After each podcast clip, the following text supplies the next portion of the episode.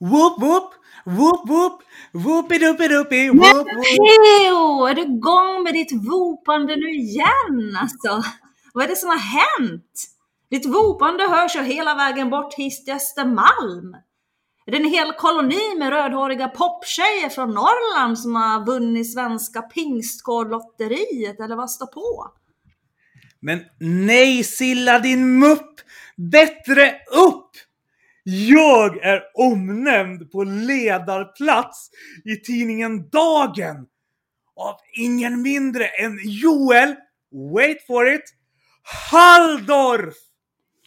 Ja men suck alltså. Ibland tangerar du verkligen gränsen för att bli en mediaförsäljare av intima tjänster. Men ska du säga din helikopterfinsmakerska?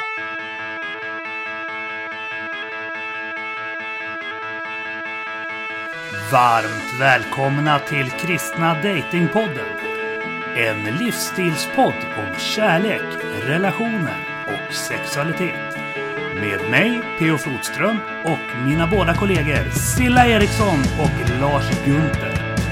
Podden presenteras i samarbete med kristendate.se. Varmt välkomna till Kristna Datingpodden! Ja, så roligt att vara tillbaka! Vad har hänt sen sist Silla? Går det bra med alla dina projekt? Jo tack, det går faktiskt bra skulle jag säga i det stora hela. Men jag ska väl faktiskt vara helt ärlig och säga att det är väldigt utmanande det jag står i.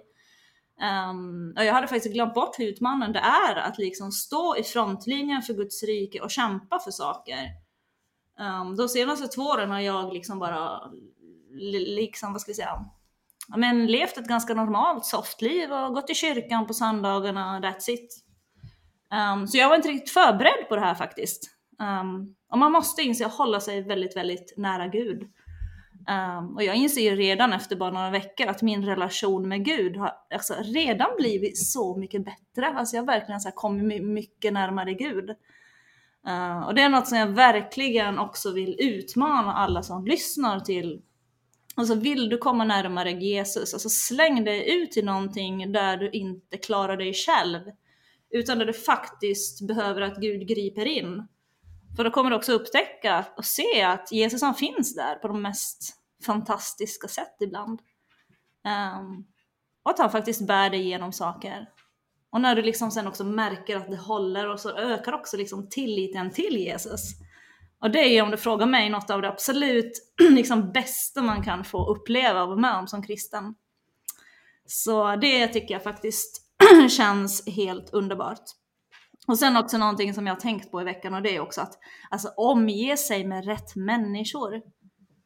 Och det är ju verkligen alltså, så viktigt att hitta liksom bra människor vet, som gillar en, människor som talar tro in i ens liv, människor som liksom får en att vilja gå en mil till när man bara känner för att ge upp. Människor som är liksom glada och uppmuntrande när man kommer. Alltså människor som inte är missunnsamma. Alltså ibland kan jag uppleva så här PO, att det finns så mycket missunnsamhet idag i våra kyrkor. Och det kan jag liksom känna att det är så himla tråkigt. Alltså sånt kan verkligen dränera mig på så mycket energi. Alltså det är så viktigt liksom med sunda och bra människor runt sig. Alltså du kan inte, liksom, du kan inte så här, hänga med en struts om du vill flyga som en örn. Alltså man måste verkligen så här, handplocka människor ibland. Förstår du P.O. jag menar? Jo, men absolut. Jag brukar försöka dock ha lite en Thomas tvivlare också. Nu ska man inte bara omge sig med en massa Thomas tvivlare för att då blir det som att stå och slå huvudet in i en vägg. Utan du behöver ju Mm. liksom så här härliga, glada, peppiga människor som ser möjligheter istället för hinder och inte är liksom missunnsamma och allmänt neggo. Men eh, Mm. min erfarenhet är lite grann att man kan behöva de här Thomas tvivlarna för att eh, få sina idéer att bli ännu bättre. Eftersom i alla fall, nu talar jag bara för mig, att när jag får en idé eh, så ser jag inte de olika hindren. Men det kan också vara så att jag inte alltid ser de olika utvecklingsmöjligheterna. Och det kan de här Mm. Tvivlarna, personligheterna, ibland kunna peka ut på ett bra sätt. Så. Mm, och det är därför också som man har mentorer och sånt. Jag har ju en del mentorer haft genom åren. Jag ska skaffa en till mentor har jag faktiskt bestämt för mig för här nu. En kristen mentor behöver jag. Det har jag faktiskt inte just nu. Jag har en som drillar mig i retorik och sånt men um, jag behöver någon som, um, en andlig mentor också tror jag. Så jag ska försöka fixa det nästa vecka jag tänkt. Ja. Sen är det så här P att vi ska ju lansera ett nytt segment i podden den här veckan en, något som vi kommer kalla för kärleksroasten där vi i varje nytt KDP-avsnitt ska kärleksroasta en person som vi tycker att förtjänar lite extra uppmärksamhet och kärlek. Ja, just det. Det var ju faktiskt en av våra lyssnare, Victoria Hedström, som inspirerade oss till den här idén. För hon tyckte det var så kul när jag och killpanelen kärleksroastade dig. Så då tänkte jag att det här kanske jag kan göra någonting av. Ja, så vem tycker du att vi ska kärleksroasta den här veckan? Vad sägs om Jakob Andelius? Han har ju tillsammans med Göran Reirestam, Felicia Ferreira och Frida Park lyckats åstadkomma ett trendskifte lite grann i migrationsdebatten. Eller jag hoppas att det blir ett trendskifte i alla fall. I tisdags så arrangerade han tillsammans med Dagen och TB Nordic en lång debatt i ämnet som för ovanlighetens skull utspelade sig seriöst och inte enbart urartade i att folk satte sig på höga hästar, stickade offerkoftor snabbare än Åkesson eller började kalla varandra för fula saker. Ja, why not? Alltså han är dessutom bara so hot. Hej Jakob! Silla och Peo här på Kristna Datingpodden. Vi hoppas att du mår jättebra. Du, det är så här att vi har infört ett nytt segment här i podden som vi kallar för kärleksroasten. Så vi kommer i varje avsnitt här framöver att lyfta en person som vi tycker att ja, men förtjänar lite extra kärlek helt enkelt. Så i veckans avsnitt så är det faktiskt du Jakob som har blivit föremål för vår kärleksroast. Och det Vilken förmån! Eller hur Peo? Jo, men jag tycker du har gjort en viktig samhällsinsats, i alla fall för frikyrkan, genom att eh, möjliggöra något som förhoppningsvis blir trendsättande. Att vi kan lära oss att prata om även lite svårare frågor utan att kalla varandra för fula saker. Ja, men vad härligt. Tack så jättemycket hörni. Vilken ära, vilken förmån. Tack. Ja, men vad roligt. Nej, men då kör vi igång. Du Jakob, alltså du är ju så duktig på att snacka så att du kan ju förhandla till en bolåneränta på 0,5 procent jag hört. Endast genom att presentera dig själv. Ja, Jakob, du är ju duktig med siffror. Bara under det här halvåret som du och jag har känt varandra så har du ju räknat till evigheten minst två gånger. Ja, Jakob, du är en sjukt ärlig kille. Alltså, du ljuger aldrig. Utan istället så ändrar du faktaunderlaget om det skulle visa sig att du hade fel. Men det händer ju aldrig. eh, och dessutom Jakob, du har ju en tendens att leva på gränsen. Jag minns när du och jag var ute i Stockholm på en krogrunda och du bröt en lag. Jag pratade med en vänsterpartistkompis på Stockholms stadsdelsnämnd i eftermiddags och du har fortfarande inte lyckats laga den. Ja, men det är ju för att du Jakob är ju så sjukt duktig på politik. Alltså du är ju till och med snäppet bättre än Hanif Bali. Dessutom så har du ju en så sjukt stark utstrålning så du behöver liksom bara så ställa dig upp och le för att vinna ett riksdagsval. Well, Silla! Nu tycker jag inte vi ska överdriva det här. Han är ju trots allt en högermupp, precis som du. Men sure. Det går ju rykten om att när Trump lyfter sin röda lur så börjar det ringa i din mobil, Jakob. Ja men PO, alltså Jakob han är het alltså. Alltså jag kommer ihåg i somras när vi hängde på stranden. Alltså glassen smälte inom 10 sekunder när Jakob kom för nära. Och Jakob, ditt hjärta är varmt. Så när jag sitter hemma på Östermalm så känner jag liksom värmen från dig enbart genom att tänka på dig. Så het är du. Alltså jag menar i tisdagskväll, alltså seriöst, jag trodde ju att jag hade hamnat i klimakteriet. Men sen så insåg jag att det var ju enbart för att jag satt och kollade på dig. Ja, just det. Du har ju inte riktigt den effekten på mig, Jakob. Så jag kan ju inte love-roasta ditt utseende så som det Sillanator kan. Men Jakob, jag måste säga att du är en sjukt produktiv snubbe i varje fall. Jag minns ju när du och jag gick Vilberfors akademin tillsammans och hade en workshop med Elisabeth Sandlund. Och du skrev ner hela din Black Lives Matter-artikel på under 12 sekunder. Jag är fortfarande så sjukt imponerad. Alltså du är så sjukt bra Jakob. Ja, visst. Men du Silla, visste du att Jakob hade en roll i Star Wars? Nej. Who? Han var kraften! Aha. Så Jakob, vad jag och PO försöker säga är att du är en sjukt skön kille och vi är båda jätteglada att få vara din vän. Woop, woop. Woop, woop! Ja men hjälp hörni, hur, hur följer man upp det där alltså? Hjälp, det är bara att lyfta och tacka och bocka på alla hattar som finns alltså. Tack så jättemycket. Det känns som att ni inte koll på någonting men eh, ni får fortsätta tro allt det där. Fritt fram. Yes. Och Ni vi hade önskar en trevlig helg Jakob. Ja, Ta hand om er hörni. Härligt. Ha det bra.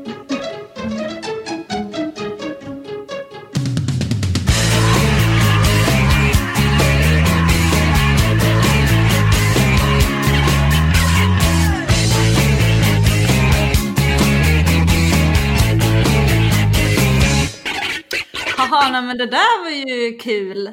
Alltså är det någonting PO som jag verkligen på riktigt älskar så är det verkligen att sprida kärlek och visa människor uppskattning. Yes, I know. Du är ju lite glorious på det sättet, Silla. Men du, jag kunde inte låta bli att notera att um, Jakob verkade kanske ha potentialen att bryta din enligt mig destruktiva Hanif Obsession. Ehm, hur menar du då? Ja men alltså... Till skillnad från Hanif så är ju Jakob en bra människa. ja, alltså han är ju fin så. Och en väldigt intressant person får jag väl säga. Så hade han bjudit ut mig så hade jag förmodligen inte tackat nej om vi säger så. Yes, och han är dessutom både kristen, civilekonom och inte minst hashtag här P.O. stanna. P.O. okej nu räcker det. Du får inte genera mig offentligt. Nu, nu, nu pratar vi om något annat. Ehm, du, hur har din vecka varit P.O. Berätta. Ja, jo, ja. Jag har börjat känna mig som en gubbgrinig kommunist bara. Framförallt efter i tisdags. Känner dig som en MP och det är väl exakt det du alltid är? Ja, jo, visst, sure. Men, men alltså så här. Jag lyssnade ju på debatten vi just roastade Jakob för. Och eh, till skillnad från dig så fokuserade jag mer på vad de sa än på att det sprang omkring civilekonomer i blåa glansiga skjortor i tv-rutan på. Och eh, lite för ofta så talas det ju i termer om att vi här i väst har det alldeles för bra. Och att du är en dålig människa ifall du inte vill sänka din egen standard så att vi kan hjälpa fler människor på flykt undan svält, krig, fattigdom och förföljelse. Och men visst, fine. Det är alltid bra att vara snäll, solidarisk och omtänksam mot hela världen. Men under den gångna veckan, jag har pratat en hel del med mamman till en av mina bästa kompisar som jag berättade om i förra avsnittet hade avslutat sitt liv eh, för förra torsdagen. Och för mig börjar det bara bli allt tydligare hur både han och väldigt många andra nära och kära, både vänner och familjemedlemmar till mig, hade kunnat räddas troligtvis ifall vi inte hade haft den resursbrist i välfärden som vi har. Jag ska inte gå in på detaljer i det här specifika fallet av hänsyn till anhöriga och sådär.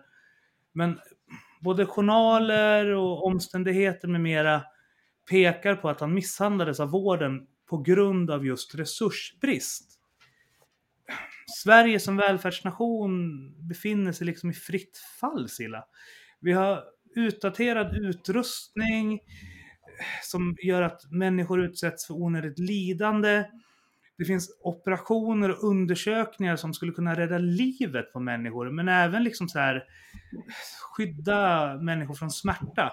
Men vi har inte tekniken för att utföra det. Däremot så här Danmark, Portugal, Kanada, USA har det på grund av att de har pengarna. Eh, så jag, jag börjar bara så här känna mig lite bitter på folk som menar att vi har det för bra i Sverige. För så här, ja visst, vi har det bra. Så länge vi är friska, pigga, starka, liksom så här, kan leva någon form av medelklassnormliv. Men nästa gång så är det deras mamma, deras bror, deras bästa vän, barn eller morfar som råkar illa ut. Så jag börjar tro att vi behöver en arbetarrörelse som förstår att politik är att prioritera, så som Olof Palme sa. Mm. Nej men tråkigt PO med din vän, alltså verkligen. Uh, och jag har ju sett ungefär samma saker som du beskriver här och det är ju det jag har sagt här, att vi fördelar ju resurserna väldigt felaktigt tycker jag i Sverige. Och där tycker jag att vi i Finland verkligen är föredömliga på det sättet för att vi har en helt annan vård och systemet och samhället funkar ju mycket, mycket bättre på väldigt, väldigt många sätt om jag jämför med Sverige. Så. Sen får jag väl lov att säga det att äh, det här skulle ju aldrig hänt om äh, extra allt-demokraterna styrde Sverige va? Men Silla suck! Nej men jag skojar bara, jag ville mest muntra upp dig lite. I know.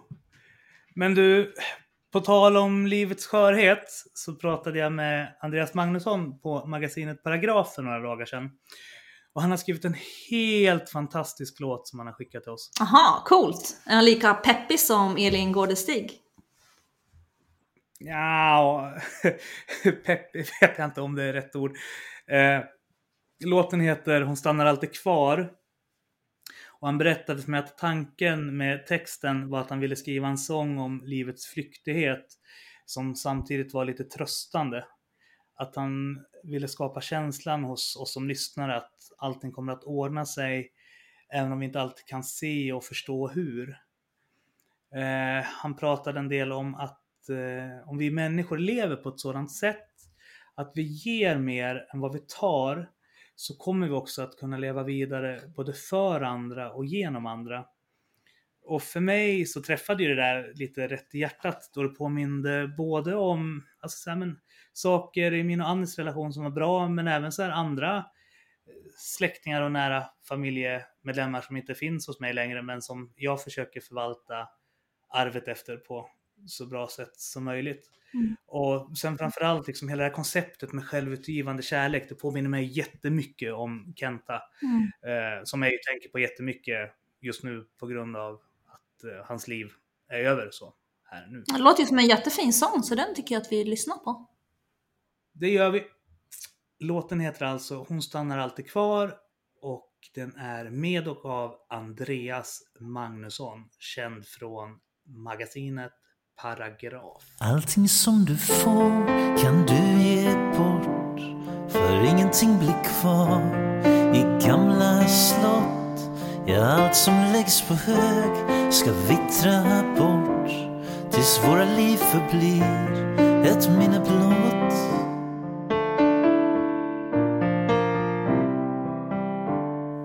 Men allting som du säger kan få liv. Och allting som du gör tar tusen kliv. En människa som ger mer än hon tar. Hon stannar alltid kvar, hon stannar alltid kvar.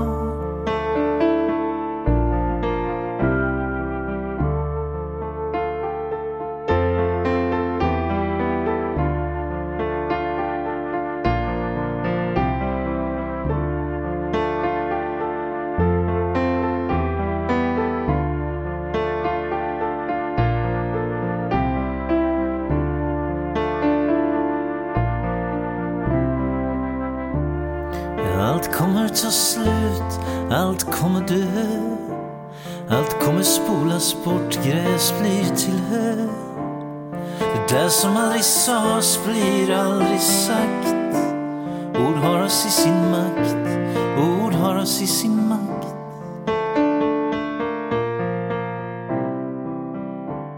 Men ändå kommer allting ordna sig på ett sätt som ingen avser. Kanske blir det ändå helt okej. Okay. Hon stannar alltid kvar, hon stannar alltid kvar. Hon stannar alltid kvar, hon stannar alltid kvar. Hon stannar alltid kvar, hon stannar alltid kvar. Hon stannar alltid kvar, hon stannar alltid kvar.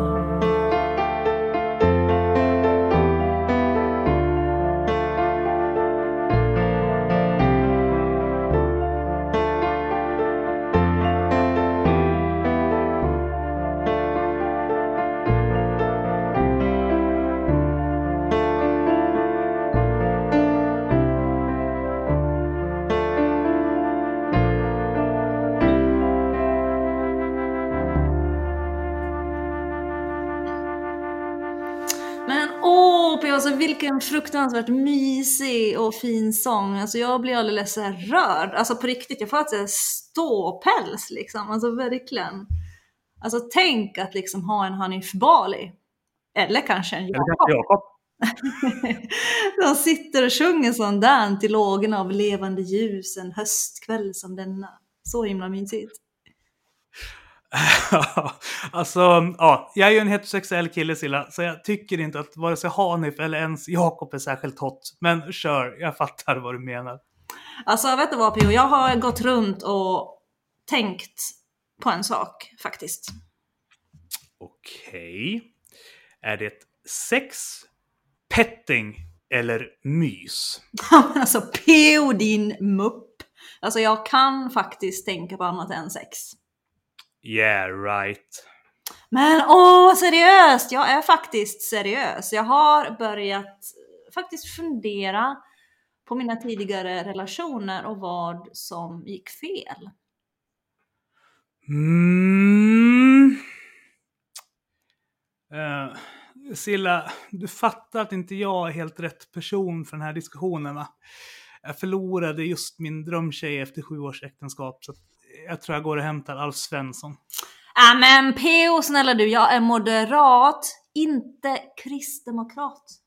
Vi moderater är mycket mera glorious, extra allt och dessutom så har vi Hanif Bali. Men Silla din högermupp, inte den Alf!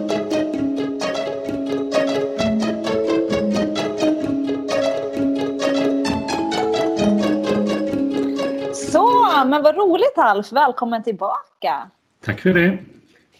Eh, vi tänkte idag att vi ska prata lite om hur man får ett förhållande att hålla på sikt, sen när man väl har träffat rätt. Hur, hur, ehm, ja, men hur man får det att hålla helt enkelt. Vad, hur tänker du kring det? Ja, det går ju inte av sig själv utan det kräver ganska mycket arbete, mer eller mindre arbete om man ska få det att hålla. Och, eh, det finns ju råd som de flesta eh, samlevnadsrådgivare ger men jag har faktiskt kommit på några, några lite unika råd som jag tänkte jag kanske kunde börja med. Mm. Eh, Jag, har ju, jag kan lite grann om aktier för jag har fått ärva lite aktier och jag har läst lite grann om hur man ska satsa på aktier för att man ska bli rik på aktier och så har jag upptäckt att man ska använda samma investeringsprinciper man ska satsa på kärleken som när man satsar på aktier och det brukar framförallt en del män bli lite intresserade av. Mm. Ja, Så men jag gillar också det med aktier, så det är spännande. Mm. Ni kanske inte vet någonting om hur man ska investera i aktier? Ja, Alltså jag brukar köra Jag- Avanza Zero. Så att... Ja. Ja, jag har, jag har faktiskt daytradat lite grann, men det var, inte, det var utan större framgångar kan jag säga. ja. Man kan väl säga att, Referensaktier säger vår kompis Martin Hårsmar är grejer man ska satsa på. Jaha. Eh, man kan väl säga om man när det gäller aktier, om man, satsar, om man har ett långsiktigt perspektiv så är det så att ju mer man investerar desto mer får man tillbaka. Satsar man väldigt lite på aktier så får man inte så mycket tillbaka på lång sikt. Och det är ju likadant när det gäller en kärleksrelation om man inte investerar särskilt mycket utan det är jobbet och träningarna och barnen och, och kyrkan som tar all tid och man inte har så mycket engagemang och ork över så får man inte så mycket tillbaka. Jag brukar ibland fråga unga föräldrar eller föräldrar när de har tid att vårda kärleken och då, då säger ofta kvinnan eh, när barnen har somnat och så säger mannen efter sporten men då sover ofta kvinnan så då blir det inte så mycket då heller. Mm. Eh, sen ska man bli rik på aktier så, så ska man göra små med regelbundna investeringar. Man ska sätta av några hundra eller en tusenlapp i en aktiefond eh, varje månad. Det är en bättre strategi än att tänka nu går nog aktien, aktiebörsen upp, nu satsar jag stor del av mitt kapital så kanske börsen rasar sen. Och det är likadant när det gäller kärleken att små bevis på kärlek och uppskattning och omtänksamhet i vardagen betyder faktiskt mer för ett förhållande än en kärlekssemester till Thailand vartannat år. Även om det ena inte behöver utesluta det andra. Mm. Det är rätt intressant. Det finns forskning om om man som man ska ge kvinnoblom, sin kvinna blommor som många kvinnor uppskattar. Så istället för att komma med tio rosor en, en gång så ska man komma med en ros tio, tio veckor i, i stöten så att säga. Det blir bättre pay-off så att säga på det. ja, men det kan jag tänka mig faktiskt. Ja, det är Ja. strategiskt tänkt. Sen kanske man ska vara, ins- vara medveten om också att det är med kärleken som aktier, det går hela tiden upp och ner. Eh, Det har det gjort i vår relation i 50 år, långsiktigt mycket uppåt men hela tiden upp och ner. Eh, Har det gått uppåt hela tiden när man fortfarande är kvar i förälskelsefasen och är drogad och det- förälskelse varar längre än inte längre ner till ett eller ett och ett halvt år. Eh, Mm. Sen går det ofta ner. Eh, och när det går ner på aktiebörsen då ska man inte snabbt sälja de här aktier man har utan man ska investera, kanske köpa mer. Och jag tänker det är kanske likadant, inte alltid men i många fall när känslorna svalnar så kanske inte bästa strategin är att tänka jag ser mig ofta en, efter en annan utan att, eh, att man, man investerar mer för att man kan få det att vända.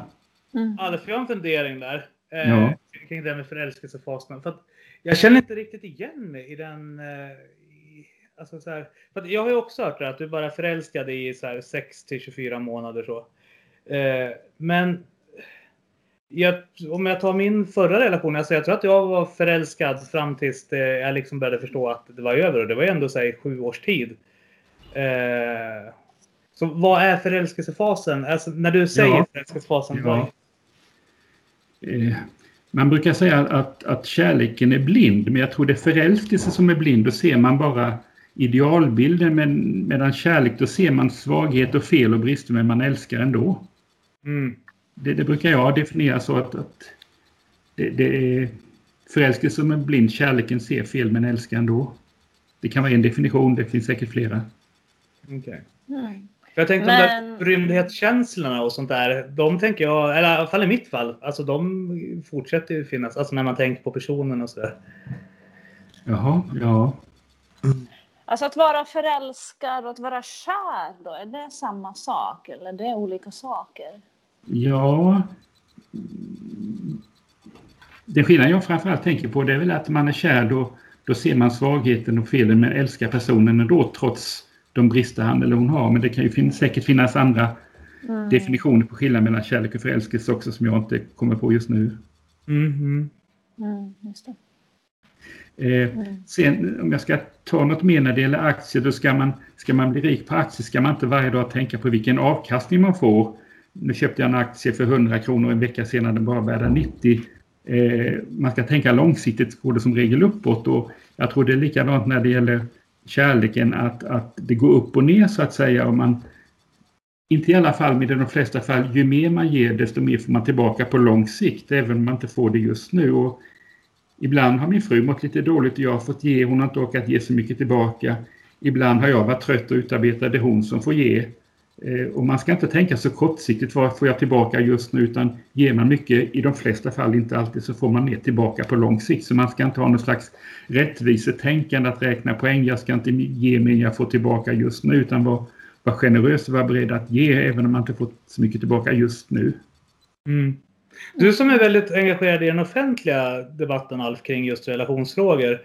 Eh, hur uppfattar du att eh, hur stort stöd uppfattar du att den här lite mer traditionella kristna äktenskapssynen som du eh, liksom ger uttryck för nu eh, fortfarande har stöd i den sekulära majoritetskulturen i relation till ett mer konsumistiskt förhållningssätt? Ja. Där man tänker att nej, men, olika personer passar in i olika faser av livet. Du ska ha en när du är 20 till 30 och sen eh, någon kanske bilda familj och barn med och sen så ska du ha en tredje när du är pensionär. Jag har ju hört eh, en del såna här relationsexperter i tidningar som ger uttryck för den typen av tankar. Alltså en, för mig i alla fall väldigt så här, konsumistisk syn. Jag är ju ute och föreläser en hel del både i kristna sammanhang och i profana sammanhang. Och jag, när jag är i profana sammanhang, jag, jag citerar inte Bibeln där, men det är ju ändå kristna grundvärderingar. Och jag är många gånger förvånad över att traditionella kristna värderingar ändå har ett stort... Eh, många accepterar, tycker att det är vettiga värderingar, även om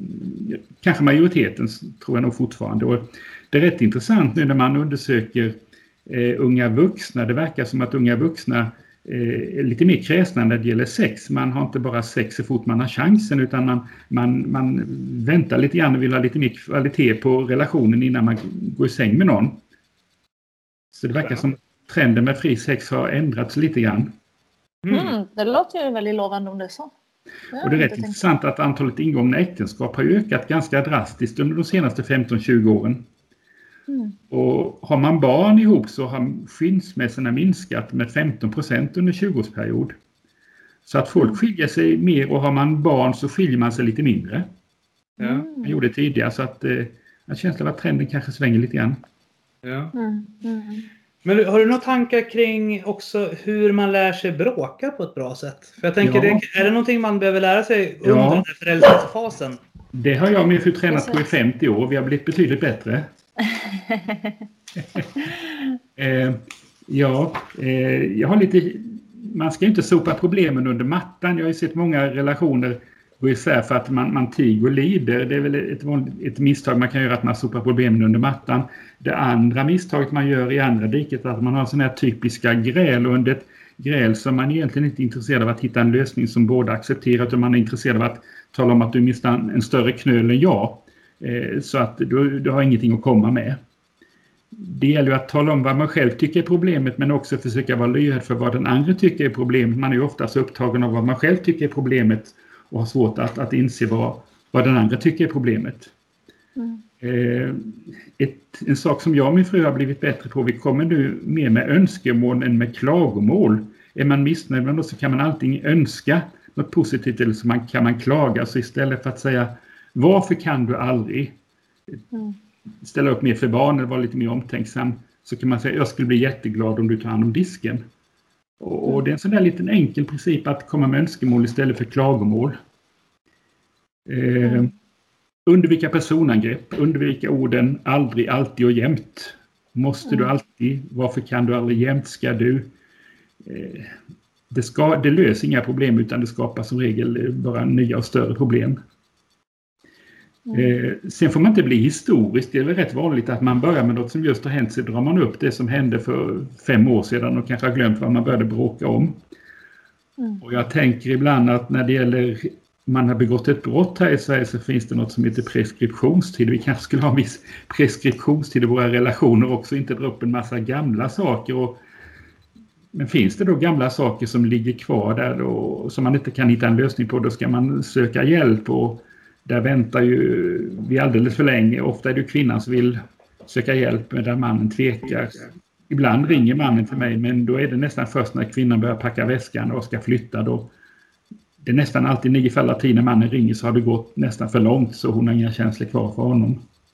Mm. Sen, det, eh, det är Men- ett bra Ja. tips att ifall bråk, om man märker att flera bråk blir historiska och att det kommer upp saker som inte är bearbetat, då bör man eh, tänka efter och liksom sätta sig ner och säga det här behöver vi ta tag i. Ja, precis. precis. Och många som kommer till familjerådgivning säger ju varför kom inte innan? Mm. Många väntar ju för länge och i synnerhet männen är ju ofta rätt motsträviga många gånger, även om unga män kanske är bättre på den medelålders män. Mm. Sen eh, det som var en tröst för mig och min fru det var att läser man den forskning som finns så visar det sig att hälften av alla konflikter går inte att lösa om man med lösa menar att man ska tycka lika och vilja samma sak. Mm. Eh, Hon kanske vill ha barn, han vill inte ha barn. Eh, Han vill ha segelsemester, hon vill vara på land. Och, och då gäller det att försöka hitta, hitta kompromisser.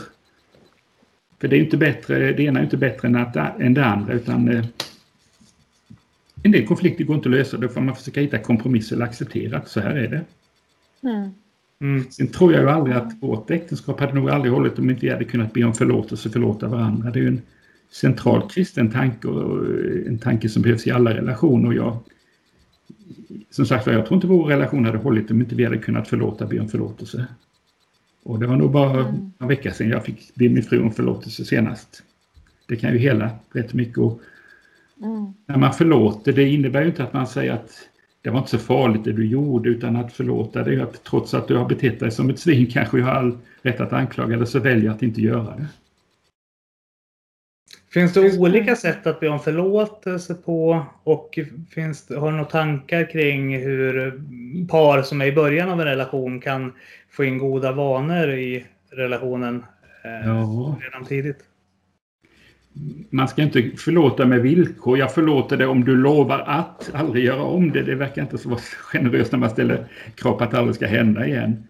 Men du kanske har tänkt lite mer på det. Du kanske har någon egen tanke om det här med olika sätt att be om förlåtelse. En del gör det med ord, en del gör det med handling. Eh, ska jag gå till mig själv så, så är väl jag mycket mer handlings... Eh, alltså att jag pratar icke-verbalt. Ja, du gör någonting istället för att visa Ja. Att du ångrar dig. Och, ja. ja. Eh, för att ord som sådant lägger jag inte så mycket vikt vid. Jag lägger mycket mer vikt vid handlingar. Både mina egna handlingar och andra. Ja, det. Det är väl kanske inte ditt kärleksspråk då heller? Eh, Ord, nej, jag tänker jag. Om du inte uttrycker det genom ord så det där är så olika också vilka kärleksspråk man har. Och det får man väl också kanske tänka på, eller vilket kärleksspråk den andra har. På vilket Ja. sätt man ska be om förlåtelse. Ja. Vilka, vilka fem är de där språken, Alf? Har du koll på det? Ja, tid är ett språk, att ha tid för varandra. Ja. Eh, tjänster, man gör någonting för den andra.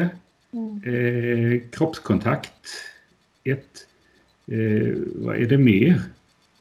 Gåvor, va? Gåvor, ja. Mm, just det, gåvor. Min fru växte upp väldigt fattigt som pastorsbarn inom pingströrelsen och trodde hon hade gift sig rikt när hon gifte sig med en, en akademiker men nu upptäckte att hon gifte sig med en ekonomisk smålänning som tyckte att det mesta antingen var det för dyrt eller så var det onödigt. Och det, och det femte kärleksspråket, vad var det då? Ja, vad är det? Ord har vi inte sagt va? Ord, okej. Ja, Ord. Ord, Alltså uppskattande ord. gåvor, tjänster och kroppskontakt. okej. Ja. Och eh, Vad har Ja. du för kärleksspråk då P.O.? Har du koll på det? Eh, jag vet inte. Alltså... Om jag ska gå histor... Alltså så här, om jag ska bli historisk. Du kan Eh. väl bara svara lite kort P.O. Du- Ja, men lite kort. Ja, ja men eh, jag tycker om att köpa presenter. Jag eh, tycker om när folk tar på mig och jag tycker om att ta på folk. Eh, Okej. ja. Eh, så att det är väl de som är de primära kanske. ja. Ja, men det ser vi. Har samma då. Jag har också fysisk beröring och presenter. Jag uppskattar väldigt mycket kroppskontakt och det behöver inte vara en sexuell invit utan kroppskontakt överhuvudtaget medan present är Mm, nog det jag uppskattar minst. Mm, just det. Det beror så mycket. Sen tror jag också när kärleksspråken varierar ju också om man, är, man tänker liksom kärlekspartner. Att man tänker kärleksspråket där eller om man tänker kärleksspråk sen med vänner. Där varierar det ju också lite grann. Ja, det kan det vara. Jag skulle säga mitt kärleksspråk med vänner är ju inte fysisk beröring och presenter. Där skulle jag Nej. nog kanske mer säga att det är tid och tjänster kanske. Ja, jag tänker Så mig där det. kan det ju faktiskt också variera. Beroende Ja, på vilken ja. relation man har till personen i fråga. Ja. Så är det ju. En sak jag har lärt mig när det gäller konflikter som jag får jobba på fortfarande det är att när min fru är missnöjd med något, man kan ju vara missnöjd även med en samlevnadsexpert, eh, så, så, så, så har jag tidigare i alla fall kommit med, med motargument och säga ska du säga hur är du då så drar jag upp hennes svagheter men det är ju ingen framkomlig väg och trots det jag har hållit på med det i många år. Det jag tränar på nu är att försöka respektera hennes upplevelse. Jag förstår att du blir ledsen, jag förstår att du blir besviken på det här. Jag ska försöka tänka på det till nästa gång. Det, näst, det förändrar väldigt mycket att jag respekterar hennes upplevelse och inte ger igen eller tycker att hon överdriver. Utan när hon känner att jag respekterar hennes känsla så är nästan mer än halva konflikten ur världen. Mm. Mm. Det har tagit 40-50 år för en psykolog att lära sig det. Mm. Ja. Ja. Jag får lära hela livet. Ja, men precis.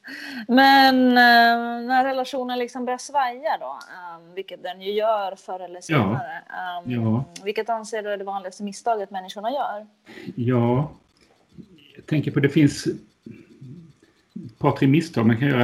Eh, Ett misstag är när, när det inte funkar så bra så tänker man, man har tunnelseende, man ser egentligen bara två alternativ. Hålla ihop och må dåligt eller skilja mig och må, må bättre. Det, det är liksom tunnelseende, man ser bara de två alternativen. Men det finns ju två alternativ till. Skilja mig och få det ändå sämre, hålla ihop och söka hjälp och få det bättre. Mm. Så man ska nog, eh, det finns flera alternativ. Och ehm, sen är ju gräset inte alltid så grönt på andra sidan som det verkar. Ibland är det ju det men, men, men inte alltid så grönt som det verkar. Det visar ju statistiken då att, att eh, det är större risk att nästa relation spricker även om en del får det bättre. Mm. Sen kanske man också ska tänka att skillnaden mellan lyckliga och mindre lyckliga äktenskap och relationer det är faktiskt inte antalet konflikter som jag trodde utan det är förmågan att reda ut konflikterna. Så även i, i lyckliga relationer så, så har man konflikter och, och konflikter uppstår i alla relationer. Så att det, istället för att separera kanske man behöver lära sig att bli bättre på att hantera konflikter. Sen ska man inte hålla ihop till varje pris. Jag träffar en del kristna par som har någon slags överdriven tro på om man bara ber till Gud för sin partner så löser sig alla problem och den här personen med narcissistiska personlighetsstörning blir helt förändrade. Men det är ganska sällan det sker sådana under. Precis. Jo, alltså man, man får ju aldrig bli passiv, tänker. Det är alltid bra att be till Gud om saker. Det är lite samma Ja. sak, tänker jag, när man är singel. Ibland kan det kännas som att många singlar ligger hemma på soffan och ber till Gud om att rätt man ska flyga in genom fönstret utan att jag behöver liksom investera eller göra någonting aktivt för att träffa någon. Ja, Och så funkar det inte, utan jag måste ju fortfarande take action på saker och möta nya människor. ja, Eh. Sen säger inte jag att man inte ska be. Jag tror att det är jättebra att be för alla områden i ens liv och så. Ja, Men det räcker ju inte med att bara be. nej. Eh, och ibland så kanske en del kristna kanske, jag har hjälpt en hel del att hålla ihop, men ibland får hjälpa en del, framförallt kristna, på att gå isär. För man, man, eh, det, är ett, det, det är ett sämre alternativ att hålla ihop, både för ens egen skull den psykiska hälsan och kanske inte minst för barnens skull också. Mm. Man vet ju av, av erfarenhet att om föräldrarna kanske inte alltid är så kära i varandra påverkar inte barnen så mycket men är det mycket öppna konflikter det, det tar barnen, för barnen väldigt illa av så är det väldigt mycket öppna konflikter eh, så, så kan det vara ett skäl till att, att man ska dela på sig. Mm, mm, Förutom när det är miss, misshandel och missbruk och sexuella övergrepp och sådana saker. mm. Just det. Vad Så- skulle du säga ett, vad skulle du säga är ett tecken då på när det är så många och infekterade konflikter att du ger de, de råden? Ja, och om det är så att de har sökt... Jag tycker att i synnerhet om man har barn, då är man skyldig barnen att söka hjälp. Och är det man, så att man har sökt hjälp och det är ständigt bara massa konflikter som nästan aldrig slutar bra, eh, då ger jag ofta paret rådet att, att skilja sig om de har sökt hjälp och de har inte kunnat, det har inte förändrat någonting. Mm.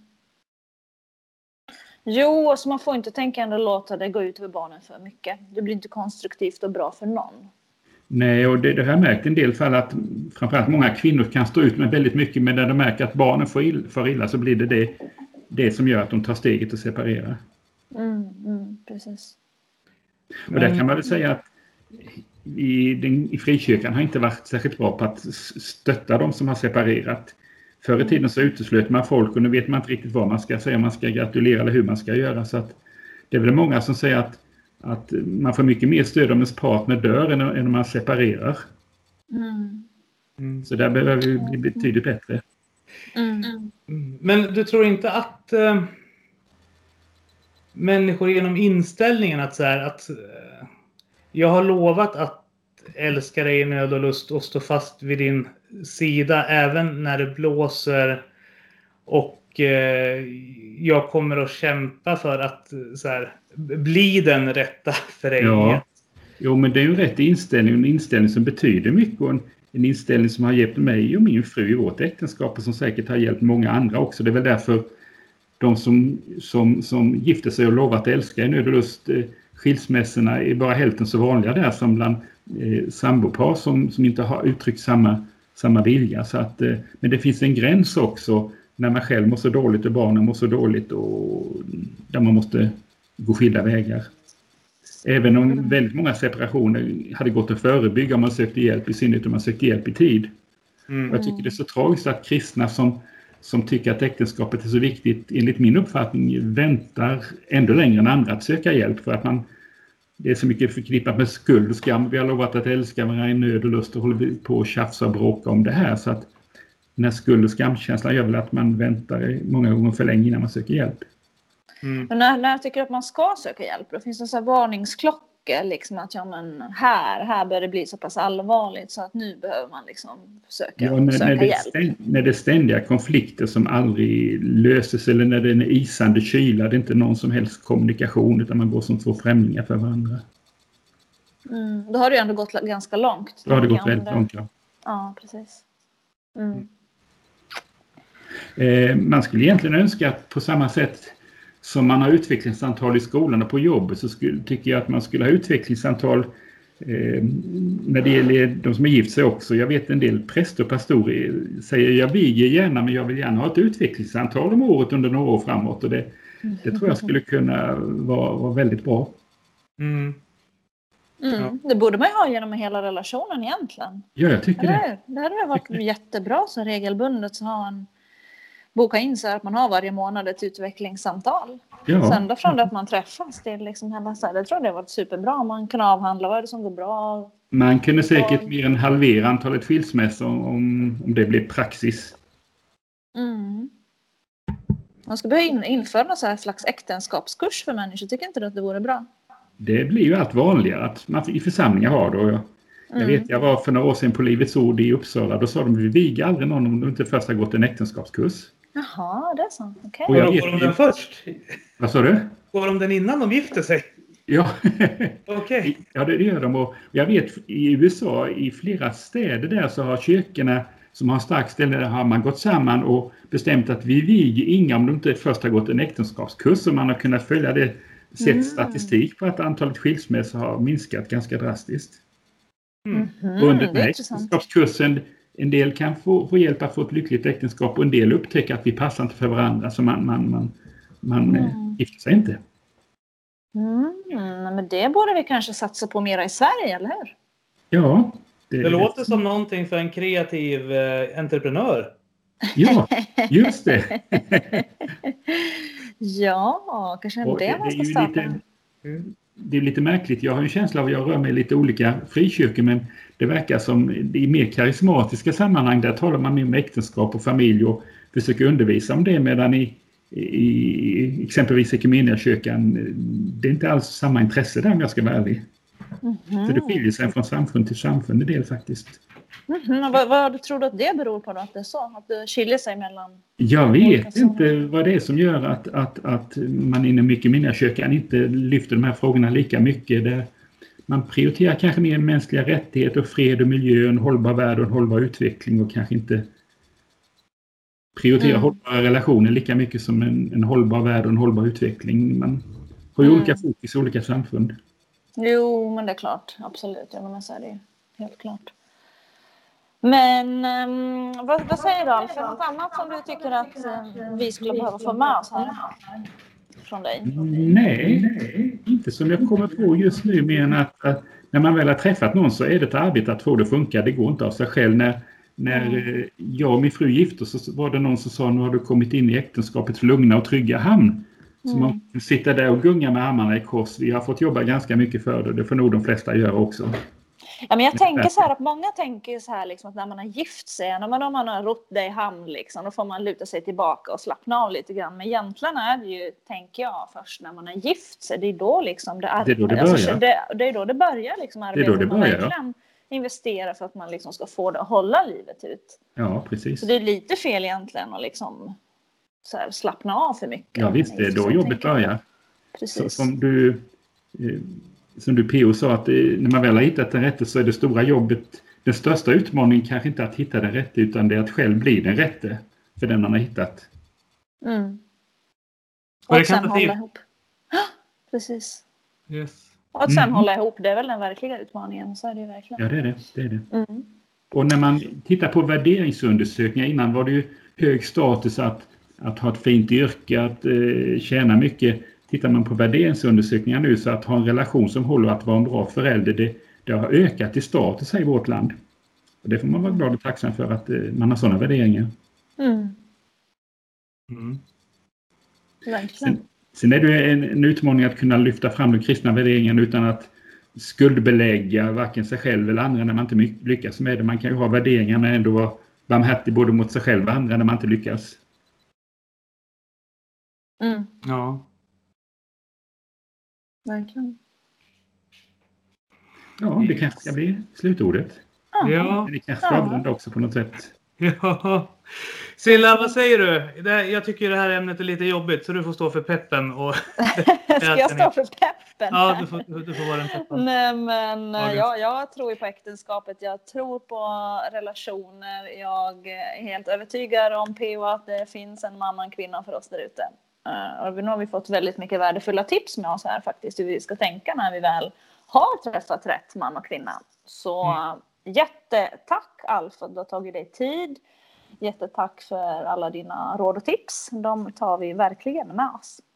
Tack för att jag fick vara med. Då har jag bara en, en sista fråga till Alf. Ja, Kan, kan du tänka dig att vara med när jag och Silla önskar lyssnarna en stor puss och kram här på slutet? Ja, det är inte svårt. Ja. Silla, tar du tonen då så får vi se Yes! spelar in i. En stor puss Puss och och, och kram! Hurra! ja, Hjärtligt tack för att ni har lyssnat på Kristna Datingpodden. En livsstilspodd med Theo Flodström, Cilla Eriksson och Lars Gunther. I samarbete med kristendate.se.